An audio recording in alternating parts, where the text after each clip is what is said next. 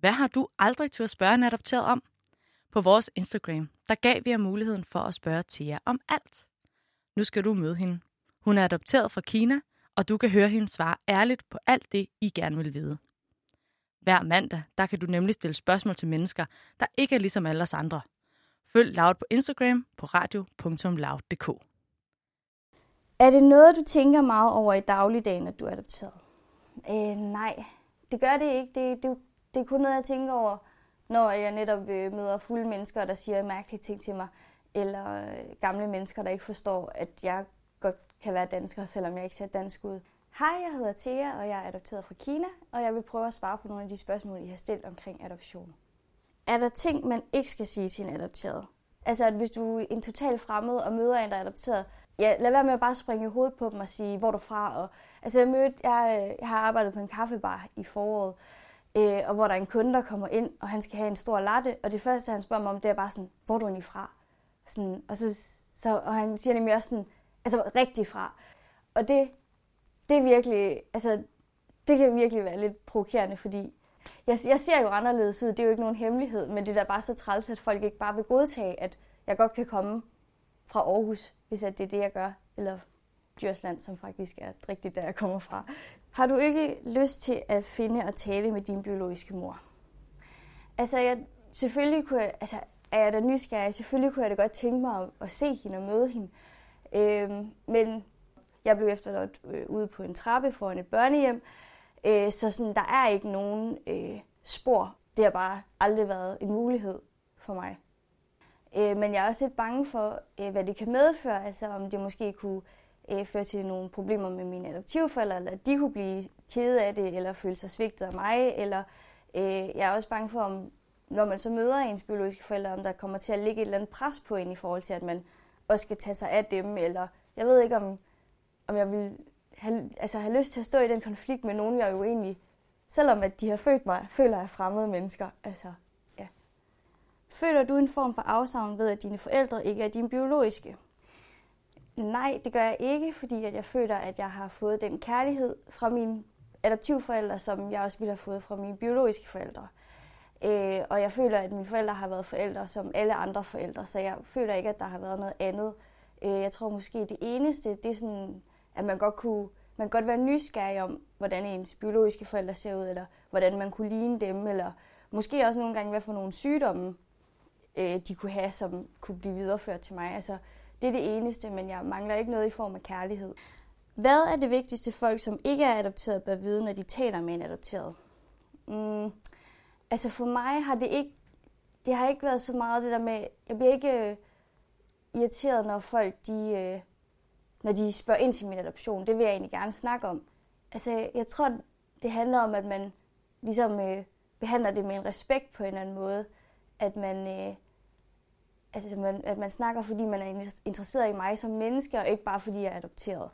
Jeg tror, at de steder, hvor det kan irritere mig, det er, når jeg føler mig meget fremmed, fordi jeg jo selv indeni ikke føler mig anderledes end, særlig, end andre mennesker, eller føler mig mindre dansk.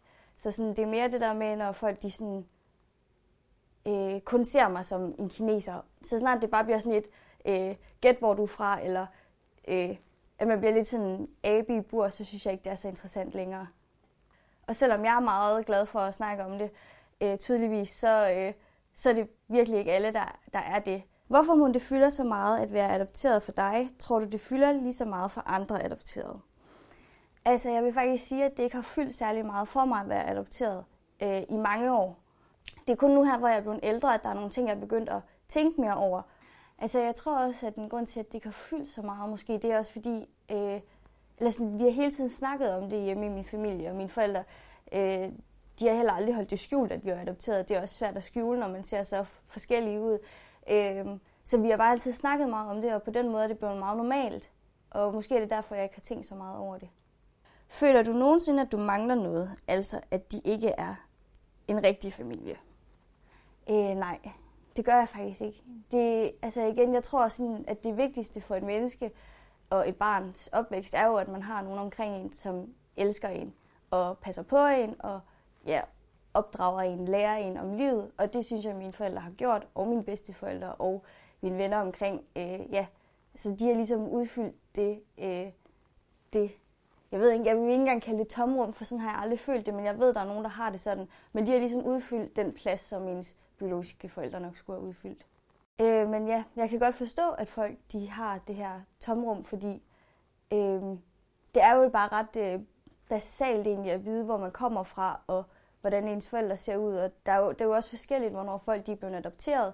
Og man er blevet adopteret fra, jeg var fem måneder, så jeg har jo ikke særlig meget, øh, som jeg kan huske tilbage til. Jeg, kan, altså, jeg har ingenting.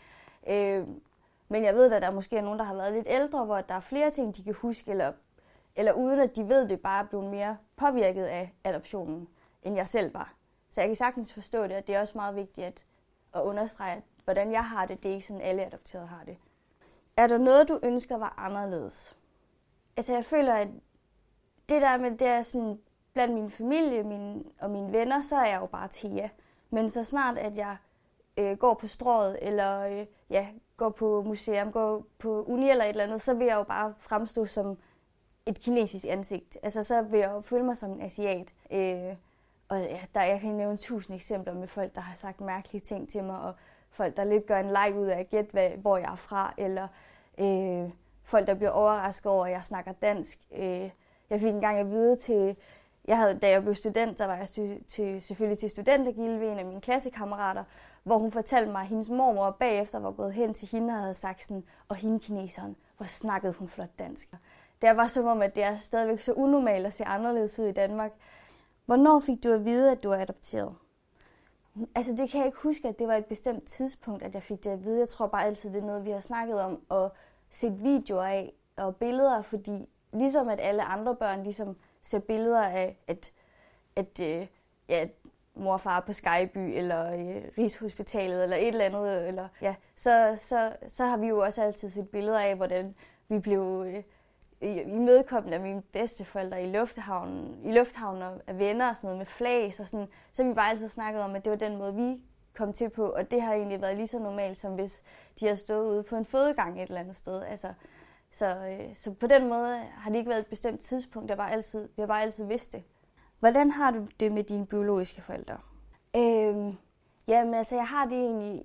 Jeg har ikke øh, givet mine biologiske forældre særlig meget øh, tanke, udover at øh, jeg synes, det kunne være interessant at, øh, at se, hvordan de ser ud, for ligesom at have et eller andet at spejle mig fordi det er ligesom det eneste tomrum, jeg føler, jeg er blevet efterladt med. Øh, og så kan jeg huske, at da jeg var 13-14 år, der læste jeg en bog, der hed Kinas tabte døtre, øh, som nemlig er en, sådan, en række fortællinger med kvinder i Kina, der har måttet øh, opgive deres børn til adoption, eller nogle steder, i rigtig fattige steder af Kina, har, har de slået deres børn ihjel, eller forårsaget øh, aborter selv, og sådan... Øh, og der i der læste jeg jo, hvilket savn det egentlig var for de her mødre, at det jo ikke var nemt. Og, og det er faktisk det eneste tidspunkt, hvor jeg egentlig, hvor jeg egentlig er kommet til at tænke over sådan, men det kan godt ske, at jeg ikke tænker særlig meget over mine biologiske forældre, men der er jo helt sikkert to mennesker ude i verden, der er meget bevidste om, at, at jeg eksisterer. Øh, og måske, det er ikke til at vide, men måske også føler et afsavn af mig. Har du nogensinde i rejseri sagt, gid I ikke havde adopteret mig til dine forældre?